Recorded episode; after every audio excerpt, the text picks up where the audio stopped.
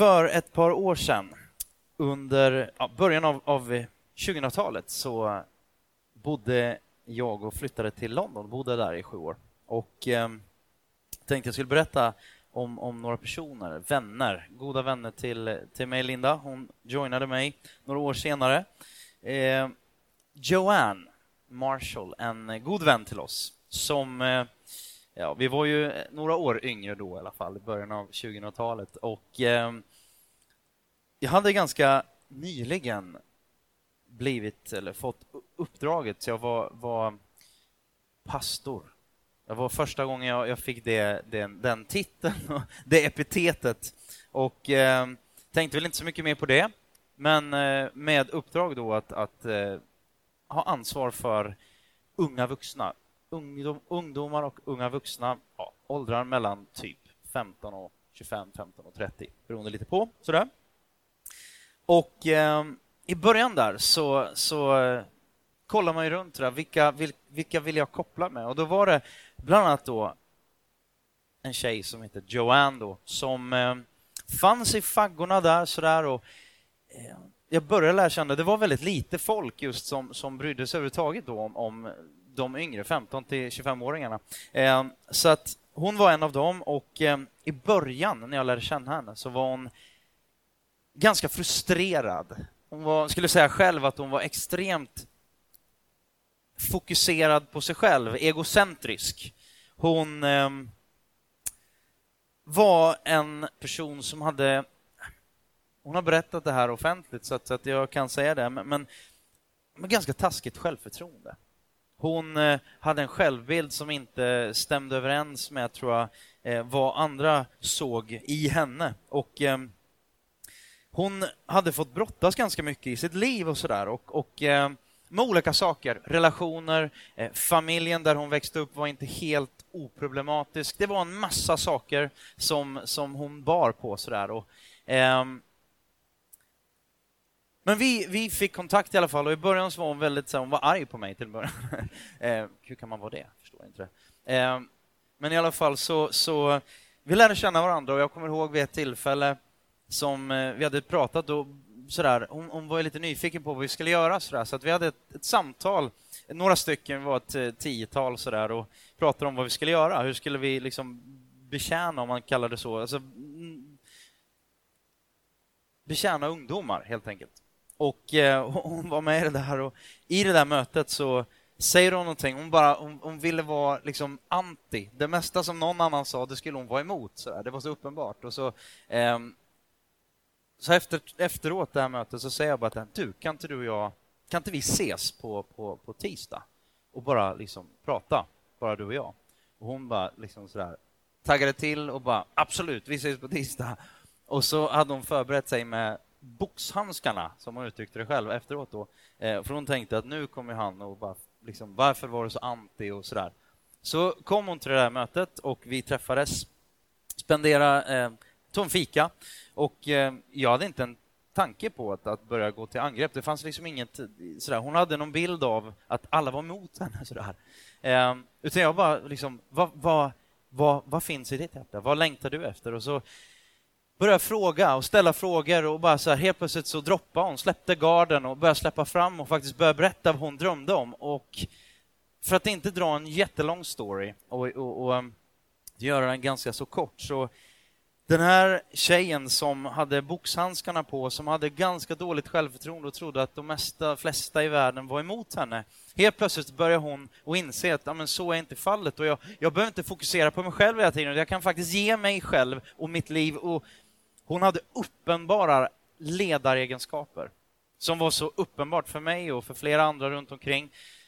Ehm, så man satte ansvar i händerna på henne. Hon, hon tog det inte bara, hon tog det inte bara liksom till dit man någonstans hade kommit överens om eller förväntade sig, utan hon tog, det, hon tog alla uppgifter, hon tog allting och tog det längre. Och hon bara gav och bjöd på sig själv.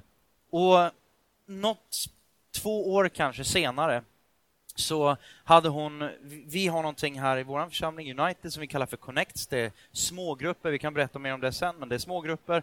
Vi tror inte bara att kyrka handlar om någonting det vi gör på söndag, vi möts tre timmar eller två timmar eller en och en halv här inne och så är det lite före och efter. Utan livet, det är hela livet som är kyrka. Vi tillsammans är kyrka. Vi är inte bara går till kyrka, utan vi är kyrka.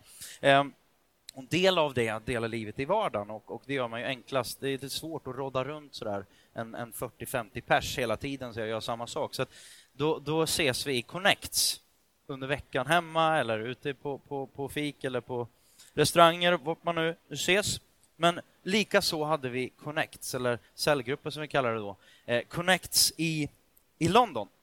Och eh, det var faktiskt så att vi var ett tappert gäng. Jag kommer ihåg första gången, mitt första, ja, men en, en, en sån här gudstjänst. Det var en eh, 35-40 personer på den här gudstjänsten och eh, jag kommer ihåg, jag stod och predika som nu. Det var ganska mörkt då också i salen, mycket ljus på mig. Eh, men jag kunde höra, de som satt längst bak hade headphones på sig och hade så hög volym på musiken så att jag hörde fram. Och det var väldigt uppmuntrande kan jag säga, för jag insåg att de inte, de ser några, liksom en mun som rör sig längre fram, men de brydde sig inte ett dugg om vad jag sa. Så där. Det var ju väldigt uppmuntrande kan man tycka. Eh, men hon var med i det här i alla fall och, och eh, hon såg den här tjejen som mest hade stirrat sig blind på sig själv och sina egna tillkortakommanden. Helt plötsligt började hon inse att jag kan få betyda något för andra människor. Och hon drog ihop ett gäng med tjejer, folk som inte alls var, var kyrkliga på något sätt och, och eh, började dela livet med dem och började dela sin tro på ett naturligt sätt. Så, ja, så tyckte de, de uppenbarligen att det där var ganska så bra. Och, och eh, lång story kort då, så spred det sig. Så att en tre, fyra år senare efter att vi hade träffats så ledde Joanne själv, hon ledde en, ett, ja, det var inte längre en connect bara, utan det var en ledarconnect kan man säga, bara med, med, med massa ledare. Och totalt tror jag hon hade någonstans, vad var det, 100, jag tror det var mer, jag tror det var någonstans 160-170 tjejer som hon, som hon ledde och var på ett sätt då, eh, ja, pastor för, ledare för och, och använde inte den titeln på något sätt. Men och man såg att hon hade sin glädje inte i att bara roffa åt sig, utan att få ge till andra. Och det var, det var fantastiskt att få se. Och en av de personerna som hon själv ville bygga kyrka med framöver var ju hennes egen bror Anthony. En del av er eh, kompisar till mig har, har, träffat honom, för de är några av Linda och, och mina bästa vänner. Sådär. Eh, bor i London fortfarande. Anthony och hans fru eh, Sonja. De, eh, när jag först träffade honom första gången var han 18 år, satt i hennes vardagsrum och spelade Stevie Wonder Eh, på, på, han, han är från Jamaica också och eh, satt och körde med huvudet så här och såg ut ungefär som Stevie, typ så. Ehm, och lät definitivt som Stevie.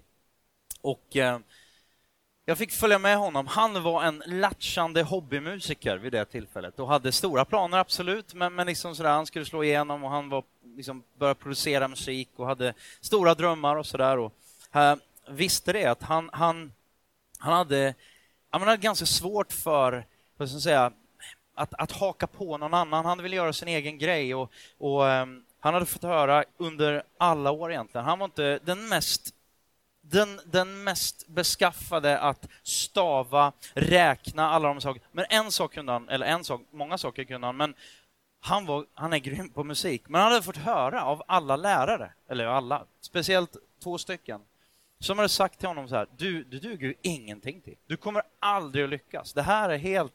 Han har bara fått, fått höra det hela tiden och någonstans hade han vänt på det där och bestämt sig för, jag ska minsann visa att det går.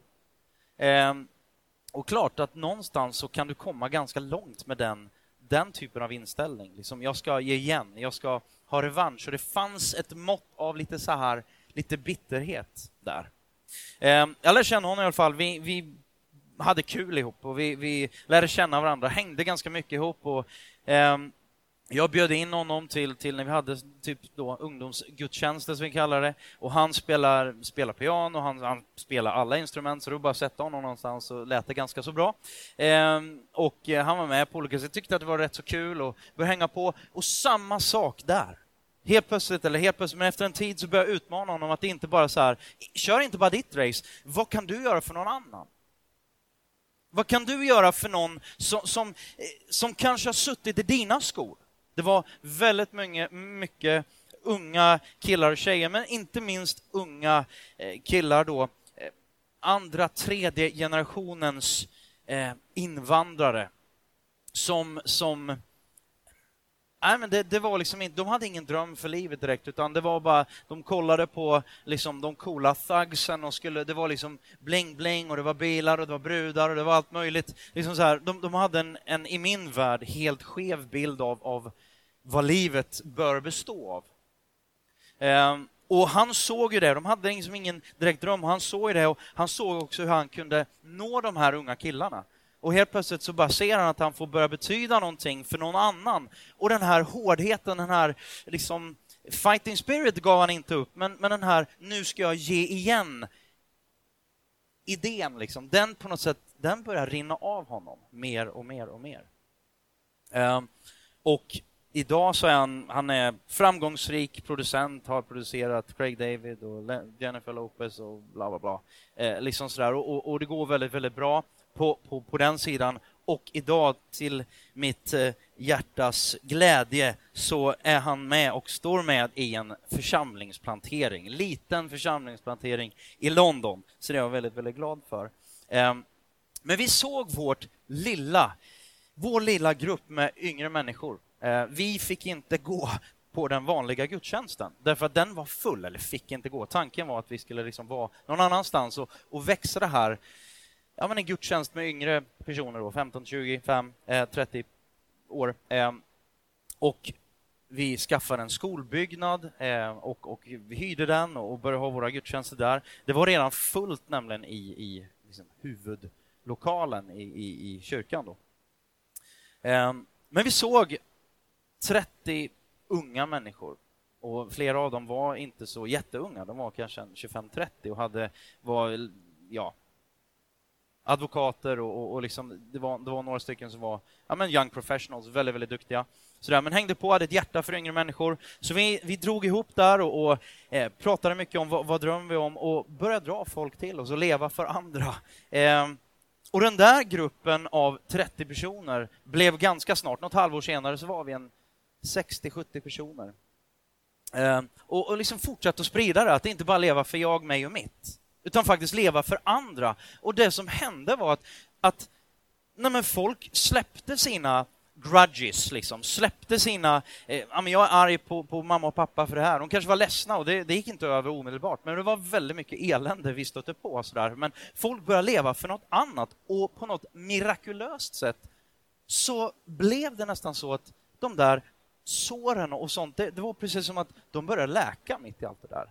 Plus att studier gick bra. Plus att ja, men saker och ting, det var inte allt som bara åh vad härligt allting blev, men det var mycket tufft och så vidare. Men det började hända saker. Och vi blev eh, från 30 personer till 60-70, så blev vi 100 och något år senare var vi 200, något år senare var vi 300, något år senare var vi 400, så var vi 500. Vi, vi växte otroligt mycket på några år. Um, och det var inte för att det var liksom, vi hade de smartaste och coolaste idéerna hela tiden. Jag kommer ihåg vår första lokal var en riktigt, alltså seriöst, hur många har varit i London och sett sunkiga lokaler? Alltså om, om, om man tycker så här, åh, det här, liksom någonstans i Stockholm, det här var, det här var sunkigt. Då tar man det och så bara nedgraderar man det 15 gånger, då har man, bör man komma i närheten. Det här var en, en, en skola nära Paddington, eh, och eh, alltså aulan där, den, den hade sett bättre dagar kan man säga. Och där hade vi våra, liksom, våra möten, våra gudstjänster. Men det var där vi började, den, den ringa begynnelsen. Och vi tog det därifrån och, och, och vi såg mycket hända. Vi var inne i, vi startade eh, dramagrupper. Eh, vi startade dansteam och de här stapplande dansarna till en början de blev helt enorma och idag är några av dem danslärare på Pineapple Studios i London som är typ en av de mest prestigefyllda dansstudiosna i, i, i London och i Europa kanske. Eh, det är bara intressant att se var det började och var det var på väg. För några år sedan så bestämde Linda och jag oss för att flytta upp till Stockholm. Ett antal andra bestämde sig eh, för att, att eh, de också ville plantera en ny kyrka i Stockholm. Eh, vi insåg ju att det var en lång resa framför. Eh, och det är en, en lång och fantastisk resa som vi har satt ut på. Men jag inser också att, att när, när, vi tänker och vi pratar om det så här, så bara, det är en sån ringa begynnelse. Men det är ganska, vi är ganska många fler nu och det är ganska mycket roligare än när det var bara Linda och jag. Eh, så där, det är ju väldigt kul att vara med dig så, men, men det är ju fantastiskt att vara många fler. Och när vi börjar leva för någonting större än oss själva så börjar det hända saker. Men jag vill bara börja med att berätta lite grann om när det händer saker. Vi pratar faktiskt inte särskilt ofta om, om eh, överhuvudtaget. Du har nog inte hört det många gånger härifrån. Om du har gått varenda söndag så har du inte hört det många gånger vad vi liksom drömmer om. Vi drömmer ju om, ibland och någon gång har jag suttit här och lyssnat på Linda, eller Linus, eller Viktor, eller Klara eller någon annan som, som leder, berättar någonting. Jag hör Rash här. Och vet du vad jag tänker när jag hör Rash? Då tänker jag så här, det här är för flipping bra för att vi ska bara vara 40-50 pers här. Jag må vara naiv, du kan tycka vad du vill, men jag tycker att, jag tror ju, jag är så naiv att jag tror att det här är aktuellt och relevant för den här stan. Är jättetysta. Det är helt okej, okay, men jag vill läsa från Apostlagärningarna, kapitel 2. Och jag ska läsa 11 verser. Är ni med? På skärmen. Därför säger jag utan omsvep. Det här är Petrus som, som pratar. En av Jesu bästa vänner, Jesu lärjungar, apostlarna. Därför säger jag till er utan omsvep i Israel, till er i Israel, att Gud har gjort denne Jesus som ni korsfäste till Herre och Messias. Petrus ord berörde dem djupt och de frågade honom och de andra apostlarna, bröder, vad ska vi göra? Petrus svarade, var och en av er måste vända sig från synden och komma tillbaka till Gud och bli döpt i Jesu Kristi namn till syndernas förlåtelse. Då kommer ni också att få den heliga Ande som gåva. Kristus har nämligen lovat att den helige Ande ska ges till var och en som har blivit kallad av Herren vår Gud och till era barn, ja, till och med de som bor i andra länder. Sen höll Petrus en lång predikan, det ska jag inte göra idag, men han höll en lång predikan och berättade om Jesus och uppmanade med stor kraft alla som lyssnade eh, att ta emot frälsning och rädda sig undan detta onda släkte. Och de som lät sig överbevisas av det Petrus sa, de döptes och de ökade Eh, så antalet lärjungar den dagen med omkring 3000 personer. De förenade sig med andra troende och deltog regelbundet i apostlarnas undervisning, i gudstjänsterna, i brödsbrytelsen och i bönen. Och en känsla av djup respekt fanns hos alla.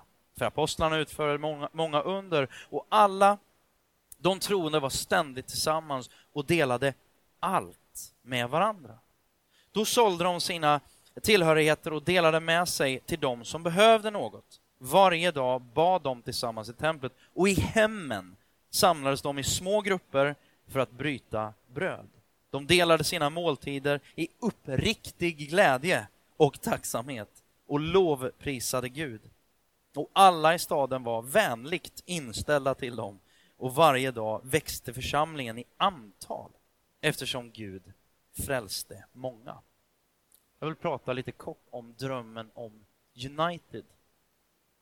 Vi kommer återkomma till det här ett par gånger och, och vi har en vision, en dröm eh, som vi har satt ord på. Och eh, den här blickar framåt till det som vi tror komma skall. Vi ser det inte ännu, i alla fall inte det första. Och det är ju, United Stockholm är ett nätverk av lokala kyrkor. Idag har vi ett nätverk av människor i en lokal kyrka. Över hela Storstockholm. Kristuscentrerade, bibelbaserade och uppdragsfokuserade på att göra lärjungar som älskar Gud, älskar livet och älskar människor plantera kyrkor som är trovärdiga, relevanta och relationella. Beröra staden från Stureplan till Sollentuna, från Södermalm till Södertälje. Ju mer jag, ju mer jag läser den här och, och eh, ju mer jag tänker på det här vi har satt ord på, ju mer jag funderar på och jag kanske går igenom Stureplan eller jag är uppe på något möte i Sollentuna eller jag är, går på någon restaurang på Södermalm och jag ser alla människor som är där, så tänker jag igen, typ, alltså tänk om de visste, tänk om de kunde höra. Rush story. Och vad menar jag då? Jo, statistiskt sett så har jag ganska bra liksom, grund att stå på när jag säger så. Därför att 97 procent av Stockholms befolkning säger sig inte tillhöra en lokal kyrka. 99 procent är inte regelbundna gudstjänstbesökare. Och jag är ju en church nerd. Jag kommer inte be om ursäkt för det. Jag tror ju att kyrka är något väldigt, väldigt bra. Jag tror att kyrka är svaret på, på den här världens problem. Ja, men det låter ju lite väl, liksom, lite förmätet kan man ju tycka.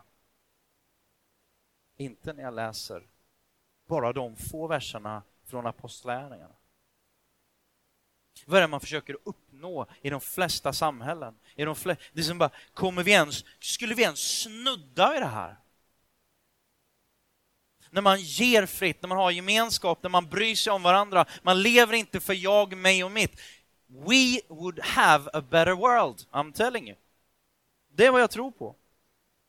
Du kan tycka det hur förmätet du vill. Och jag gillar det här, om vi tar första punkten, bara Guds story.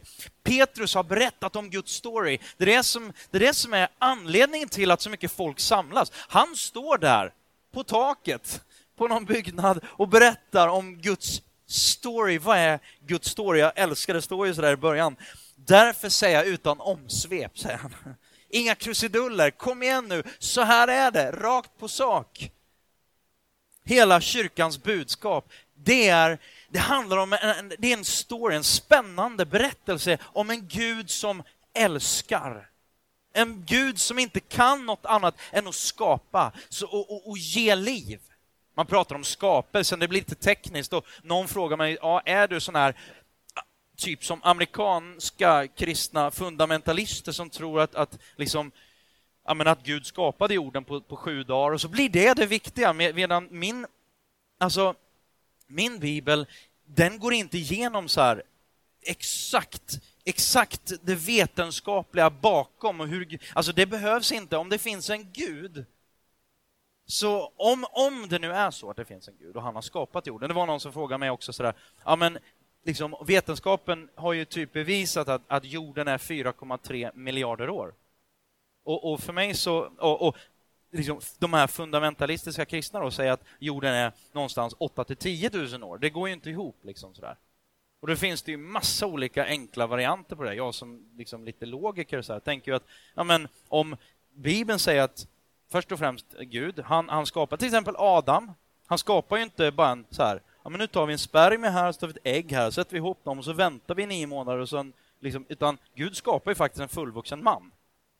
Han skulle väl kunna skapa en fullvuxen jord, lika gärna. Nu är jag ute på väldigt halt, va eller, hal, halt vatten, säger man. Ja, det kan man ju säga. Eh, hal is, djupt vatten. Eh, hal is, djupt vatten. Liksom, jag ska inte fortsätta att gräva för risken att jag gräver en liksom grav åt mig själv. Eh, det ska jag inte göra. Men, men så här, poängen är inte det. Poängen är att det är en Gud som bara, jag vill ge, jag vill ge liv. Skapelsen är inte ens bara, nu ska jag skapa något, något käckt. Nu ska jag skapa något fysiskt. Gud bara, jag ska skapa något jag kan älska, något bara som jag kan, som jag uttrycker min kärlek. Det är skapelsen. Det är en story på död och liv där framförallt just livet är mer framträdande, vågar jag säga, än någon annan story som världen någonsin har sett. I fredags då hade vi fredagsmys hemma. Och då satt vi, då skulle vi titta på, vi har tittat på halva då, Det regnar köttbullar 2. Come on somebody. Den är grym. Eh, i alla fall, så det regnar köttbullar då, då hade vi sett på första halvan och så kom andra halvan. Eh, och precis innan vi skulle, då var det ju elände. Alltså mitt i filmen när vi stängde av så bara, då är det mörkt, det är dystert och liksom de här hamburgarna som äter upp människor och sånt, de, ja, ni har inte sett den, men det är en väldigt spännande story. Eh, kan rekommendera den just när man har fredagsmys. Eh, Då kläcker Caleb, våran sex och ett halvt åring, så säger han så här. Eh, jag vet att det ser rätt dåligt ut nu, men jag vet att det kommer bli bra, säger han. Mm, smart kille. Och så säger han så här, för så är det typ i alla filmer. Först så är det bra, sen blir det dåligt, sen är det en vändning och sen blir det bra. Och liksom så här, han, det, jag bara, har ni pratat om det här i skolan? Bara, Nej, det har jag tänkt på själv. Det har inte ens vi kommit på. Liksom. Men, men, nej, men Hollywood har ju kommit på det och jag menar, de har snott Guds story. I alla fall hans outline, liksom, hans storyline. Skämt åsido, men, men de kör ju Noah, come on somebody. Som, de försöker sno, sen gör de något annat av det, men det är helt okej. Okay. Jag har inte sett den. Eh, fyra punkter. Först har du början, när det allt är bra. Skapelsen, Guds kärlek uttryckt i materia. Det här är gott. Det står så här i, i, i början, då, första Mosebok kapitel 1, vers 1-3, så första tre verserna i Bibeln. I begynnelsen skapade Gud himmel och jord. Jorden var öde och tom och mörkt var över djupet och Guds ande svävade över vattnet. Gud sade, var det ljus? Och det blev ljus. Gud såg att ljuset var gott och han skilde ljuset från mörkret. Det var mörkt, det var kaos, men Gud låter ljuset ta över. Gud är full med ljus, Gud är full med kärlek. Ehm, det, börjar, det börjar väldigt bra. Och så kan man fortsätta, han skapar Ja, men han skapar djuren, blommorna, träden och, och så eh, till slut då människan. Kronan på verket, crème de la crème, liksom. körsbärs... Vad säger man? Körsbäret på tårtan. Eh, och där någonstans så bara wow, vi bygger upp storyn och, och det är så bra. Och det står att Gud går omkring där och har relation och har gemenskap med människan. Och han, han eh, liksom sköter om dem och, och liksom, han finns där. Och det är gemenskap, det är liksom det är samhörighet och det är inga konstigheter. Och sen då, rackarns så blir det här nu då mörkt, fallet. Synden och mörkret tar över. Människan förklarar krig mot Gud. Människan vänder sig bort från skaparen och säger vi behöver inte dig. Vi klarar oss själva. Jag vet inte hur du är, men jag känner igen mig i det där. Jätteofta. Eh, du kanske tror på Gud, du kanske inte tror på Gud, du kanske inte har bestämt dig på vad du tror på. Vet, du kanske kallar Gud för något annat än det jag kallar Gud för.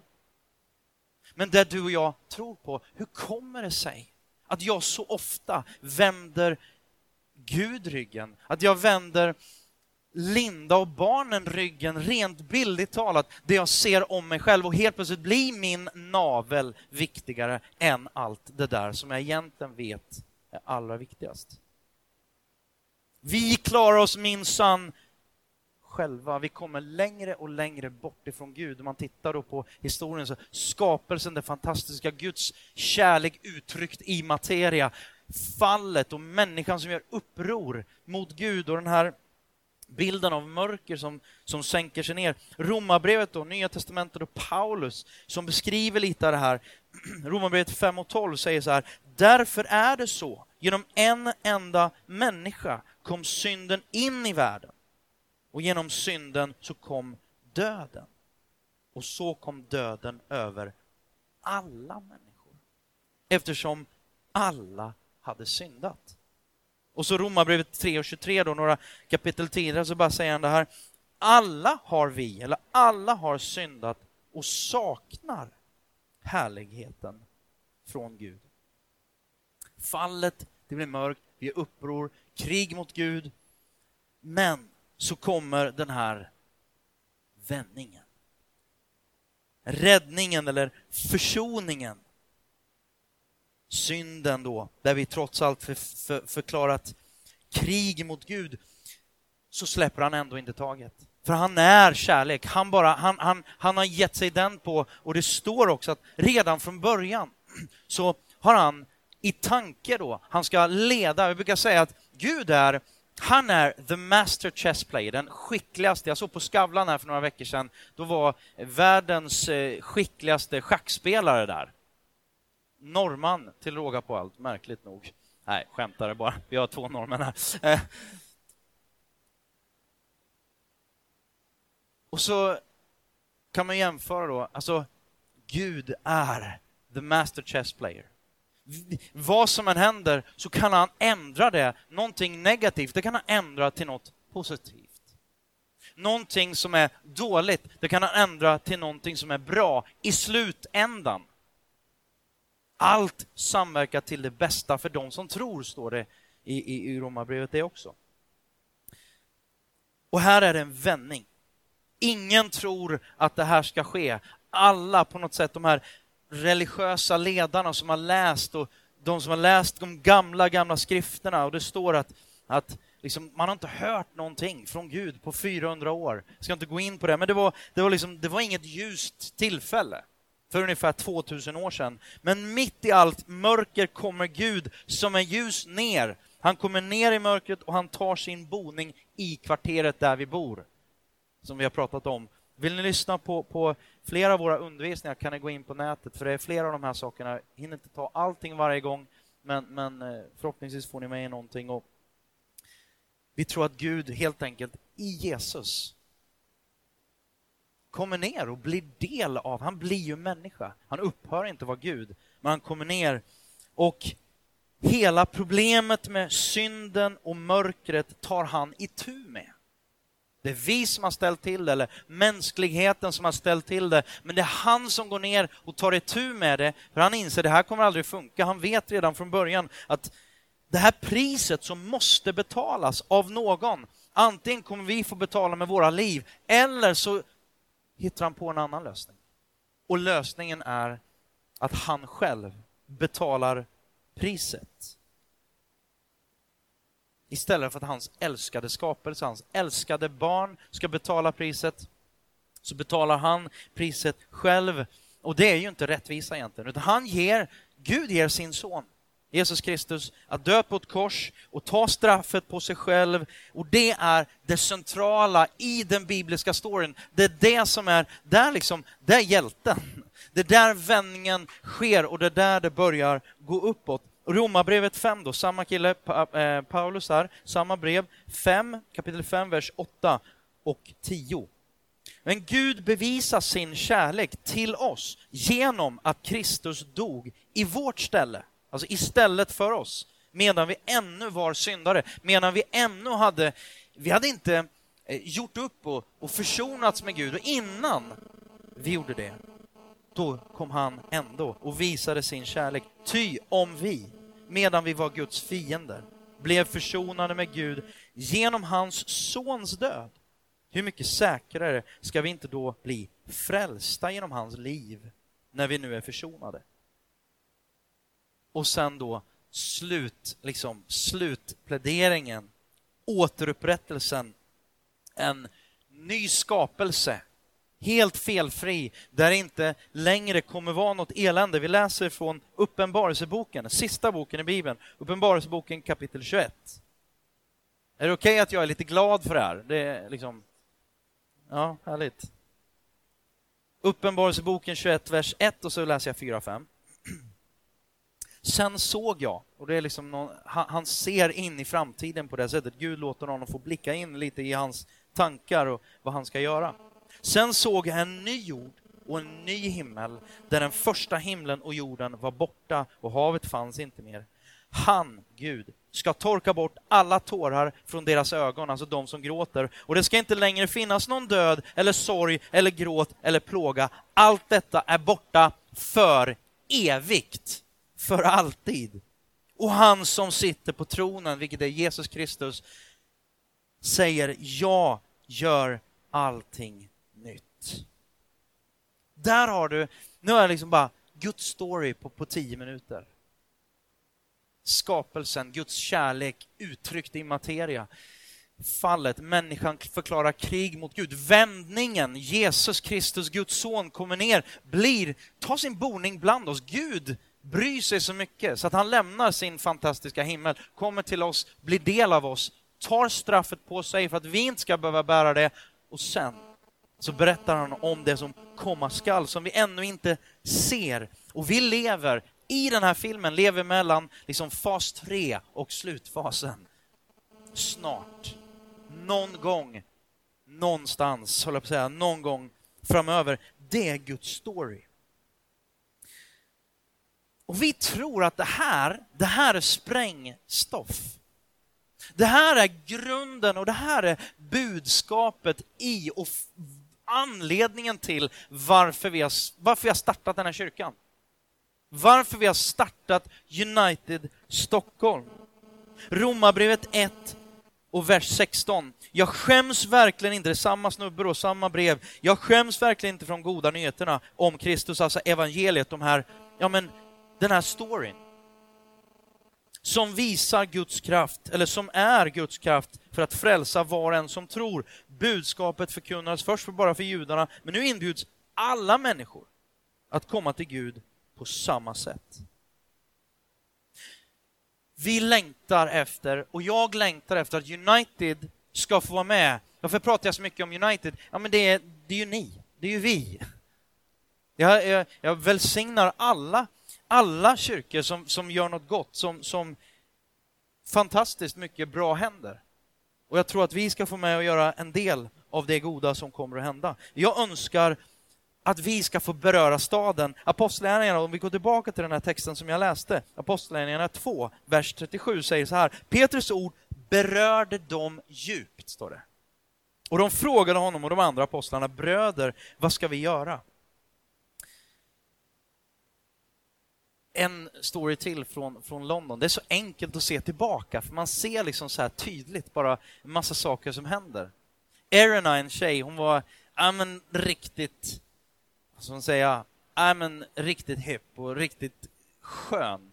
Eh, körde sitt eget race, men var väldigt sådär eh, men hon hade mycket folk omkring sig jämt och mycket fester och liksom sådär. Och, eh, kommer med på, på våra gudstjänster och eh, gemenskapen, lär känna och hänger med på en del fester, middagar och så vidare. Och så där mitt i allt det där så inser hon att jag har ju börjat tro på det här. Jag har ju börjat tro på det som ni pratar om. Jag trodde inte, jag trodde inte det hade någonting med mig att göra. Och så blir hon del av det här och, och bara sex månader senare så säger hon, ah, börjar klia lite i fingrarna, så här, alltså kan inte jag göra någonting? Och så börjar hon, ja men jag, jag vill ju ge det här, det är ju logiskt liksom. Jag vill ge det här som, ja men jag drar ihop mina, mina tjejkompisar, jag drar ihop dem och så startar hon en connect då. Och eh, en grej som hon gör, hon är bara så här, ja men hon, hon spontan och bara glad i livet och, och, och sådär, så hon, hon älskade gult. Hon älskade gult helt enkelt. Eh, färgen gul i alla former. Så att hon tänkte så här, vad blir man glad av? Jag blir glad av, av, av gult, säger hon. Eh, men blommor, det blir de flesta glada av. Så att hon gick och köpte massor av gula blommor. Jag vet inte vad det var för blomma, kanske tulpaner eller någonting. Jag vet inte. Gula blommor. Jag är inte så bra på blommor. Tulpaner är typ ros kan jag också. Eh, nej, men hon gick och köpte massor av blommor och så bodde hon i Camden, eller runt Camden, eh, Camden Town kanske någon har varit i. Eh, och hon gled in där och så ställde hon sig bara på en gata med alla de här blommorna och så gav hon och smilade och bara gav blommor till folk. Och det där kan man ju tycka var, var, var, patetiskt. Men jag, alltså jag, tänk om fler stod med gula blommor och gav ut dem. Och så började hon på en ganska prestigefylld Eh, Eh, ett prestigefyllt magasin och började jobba där som skribent och för, eh, journalist. Och då tänkte hon, gula blommor var ett vinnande koncept, så hon köpte massa blommor igen och tog med sig till kontoret och satte upp dem överallt och gav till alla. Man kan välja att påverka, det var en, en, en man kan tycka en, en fånig eller banal grej, men poängen är så här, man måste inte börja och tänka så här, när jag blir som Moder Teresa, då men du är inte Moder Teresa. Du bor liksom i Sundbyberg. eller på Kungsholmen och liksom din navel är full med ditt eget fluff. Och du behöver kanske bara gå till Interflora och köpa gula blommor och börja bry dig om någon annan. Det är vad du behöver göra. För du behöver börja där du är, och jag också. Är du med? Väldigt enkelt. De senaste veckorna har vi pratat om vårt liv och gemenskap. Vi pratar om att älska Gud. Vad handlar det om? Jag pratar om det här med att, att vi vill, och jag önskar att United Stockholm ska få beröra den här stan. Vet du, om du ska beröra den här stan, då tror jag att du måste låta dig beröras. Och den du först måste låta dig beröras av, det är Gud. Så många är så rädda. Eller man kanske är arg som, som, som Joanne var. Eller som Anthony var, så här, arg, jag, jag ska visa och jag ska klara mig själv. Och, Släpp det. Våga släppa. Kanske det är dags att du skulle våga låta dig beröras. Kanske du har kallat dig för liksom kristen med lite stiff upper lip hela ditt liv. Ja. Inte så många här kanske som har den, men, men ändå. Någon kände igen sig, men det är skönt.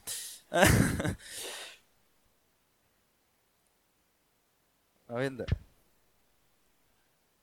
Grejen är den att mitt i allt det här så är det så lätt att bara, nej, jag är ju Mr Duktig. Jag ska försöka vara duktig. Det handlar inte om det. Det handlar om, tänk när du och jag får bli berörda av Gud. Och vi kan börja älska Gud, för då händer någonting. Och då kan man läsa i vers 37 där då, när de säger, vad ska vi göra? De har blivit berörda av det Paulus, eller Petrus säger. Och faktum är att det inte bara av Petrus det han säger, utan de har blivit berörda av Guds story. Jag skulle säga bara, det som kan förändra ditt liv mest och mer än någonting annat, det är om du låter dig själv beröras av Guds story.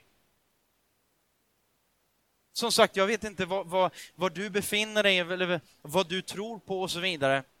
Men om du, om du någonstans här, jag, ja, men jag, vill, jag vill tro på Gud.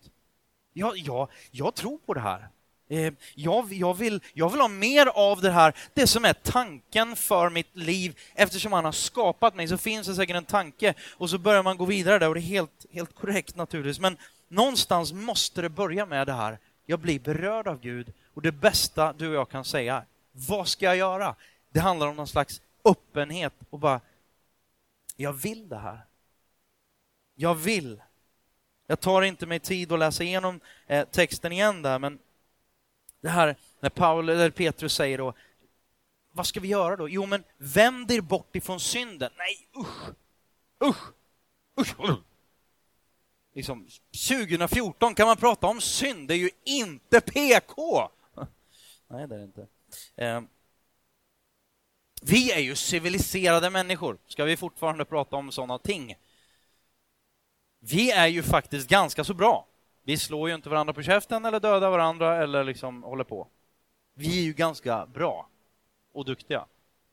Alltså, ganska vanligt i affärslivet så benchmarkar man mot olika saker. Man benchmarkar mot olika organisationer och ser bara vad ligger vi till? Och då säger de flesta, för att det ska ge något så är det bra om man benchmarkar med någon som ligger lite högre än jag. Eh, du och jag kan välja att benchmarka mot liksom någon som vi tycker mindre bra om eller liksom någon slags bild av, av, av någon och tycker bara nej, men vi är ganska bra. Vi är ju inte Adolf Hitler liksom. Men Bibeln pratar om att okej, okay, du börjar benchmarka mot Gud som är perfekt. Och så klargör Bibeln väldigt tydligt, du och jag har inte så mycket att komma med när det kommer till Gud. Däremot så har han väldigt mycket att komma med och han älskar dig. Och det står återigen i Romarbrevet 3.23. Alla har syndat och saknar härligheten från Gud. Vem benchmarkar du mot? Och här kommer ju då, om vi erkänner det här nu då, ja men vi klarar oss inte utan Gud. Där kommer ju vändningen. Där kommer ju vändningen i Guds story. Kristus, inte bara i historien, utan i ditt och mitt liv. Vändningen kan komma. Det är, inget, ingen, det är inte sluttampen, inte liksom examen, men det är början på något, det är en vändning, det är en början på någonting. Och Bibeln kallar det för, för frälsning eller räddning. Det här med att vända om och vända sig bort från synden kan man ju låta så här, mm, lite jobbigt. Det grekiska ordet är metanoia. Vi pratar inte jättemycket grekiska, mest svenska, men, och lite engelska också, bara för att vara på säkra sidan. Eh, metanoia, grekiskt ord, eh, som betyder just omvändelse. Jag har lärt mig det för ganska många år sedan och jag gillar det. Därför att det, det, fokus är inte bara nu ska du lämna det här, din usla rackare. Bara lämna allt elände. Fokus är inte på det. Fokus är vänd dig till livet. Enorm skillnad på de två. Fokus på det du lämnar eller fokus på det du ska in i. Jag brukar säga så här, alltså när man, när man byter eh, miljö eller man, man går från, en, eh, från ett jobb till ett annat. Eller, alltså, när man går vidare i livet. Ett tips är, det är att inte fly från någonting, utan gå in i någonting du tror på. Du vet att du går, inte, du flyr inte från något, du går in i någonting som du tror och ja, du, du vet att eh, ja, men du har bestämt dig för det. Du är övertygad om det här, det här är något bra jag går in i.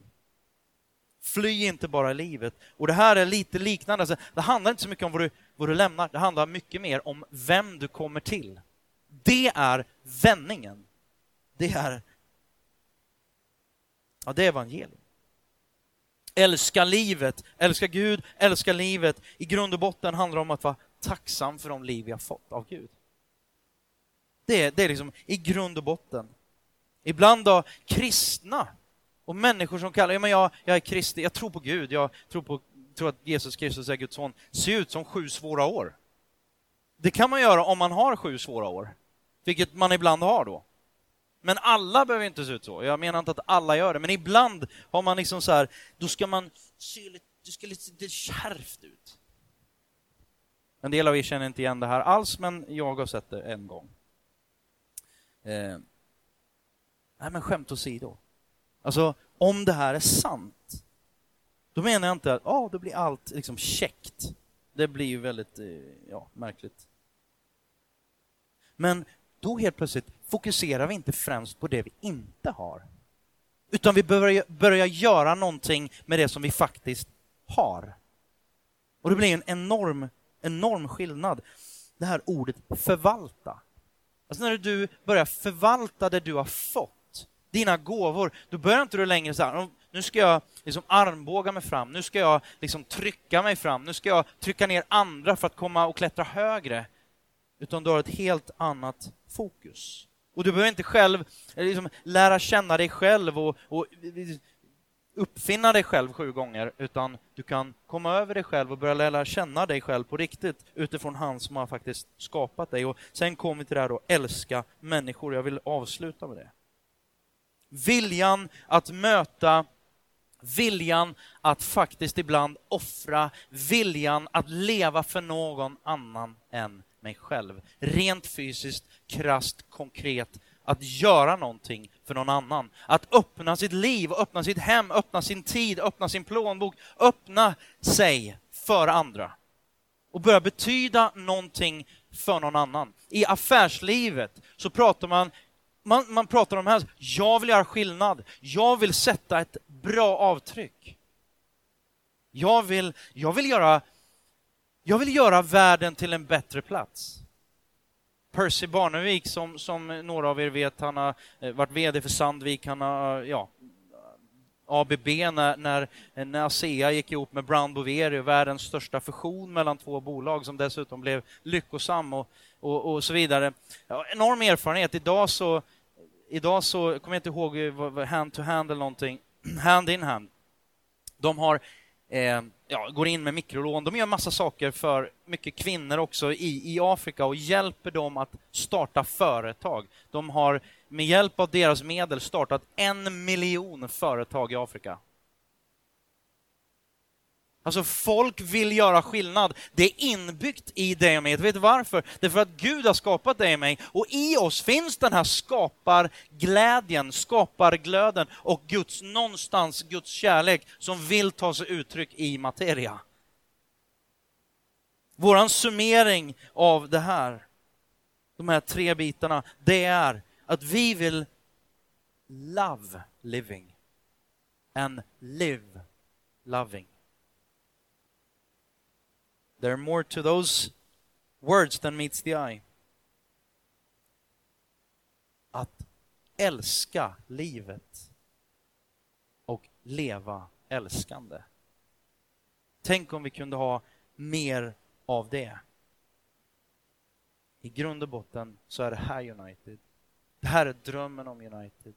Och vi drömmer om en kyrka som kommer beröra den här stan. Som kommer göra skillnad. Som inte bara är marginaliserad någonstans utan vågar stå för livet och vågar stå för kärleken och ta kärleken hela vägen. Det är United och det är drömmen om United. Välkommen att vara med på den resan. Gud välsigna er alla.